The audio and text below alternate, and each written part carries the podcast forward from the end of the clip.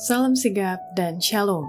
Renungan kita pada hari ini, Minggu 26 Juni 2022, berjudul Kita akan menjadi ciptaan baru. Ayat intinya terdapat di dalam 2 Korintus 5 ayat 17. Jadi siapa yang ada di dalam Kristus, ia adalah ciptaan baru. Yang lama sudah berlalu, sesungguhnya yang baru sudah datang. Pena Inspirasi menuliskan yang dimaksud dengan judul renungan kita pagi ini, kita akan menjadi ciptaan baru, sebagai petunjuk bagi kita agar mengalami kasih Allah yang tiada bandingnya itu, dikarenakan yang lama sudah berlalu, dan supaya kita dengan penuh keberanian datang menghampiri tahta kasih karunia Allah adalah sebagai berikut. Pertama, tanda perubahan yang akan terjadi bila mana kita menjadi ciptaan baru adalah memiliki damai surgawi yang akan meliputi jiwa dan memurnikan setiap sifat kita. Oleh sebab itu, kerohanian adalah tabiat pekerjaan Allah atas hati manusia yang menerimanya, sehingga membuat setiap orang menjadi ciptaan baru tanpa merusak atau melemahkan kemampuan yang diberikan Allah kepada manusia itu itu memurnikan setiap sifat yang sesuai untuk berhubungan dengan sifat alamiah ilahi.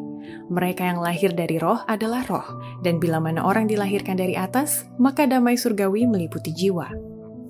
Kedua, tanda perubahan yang akan terjadi bila mana kita menjadi ciptaan baru adalah hidup kita akan dikuasai kebenaran firman Allah yang akan menghilangkan kuasa kegelapan melalui kebodohan dan kuasa dosa yang akan menutupi pengertian kita. Kepada umat manusia, sabda ilahi telah diberikan menjadi kuasa Allah. Kebenaran-kebenaran firman Allah tidak hanya sekadar perasaan, tetapi juga ucapan-ucapan yang maha tinggi. Ia yang membuat kebenaran ini bagian dari hidupnya menjadi ciptaan baru dalam segala hal. Kepadanya tidak diberikan kuasa mental baru, tetapi kegelapan yang melalui kebodohan dan dosa menutupi pengertian dihilangkan. Ketiga, Tanda perubahan yang akan terjadi bila mana kita menjadi ciptaan baru adalah pikiran akan selalu dikekang dan dijaga melalui makanan yang dikonsumsi serta membuang teori-teori yang berbahaya dalam perhambaan. Berpeganglah pada firman, ada tertulis.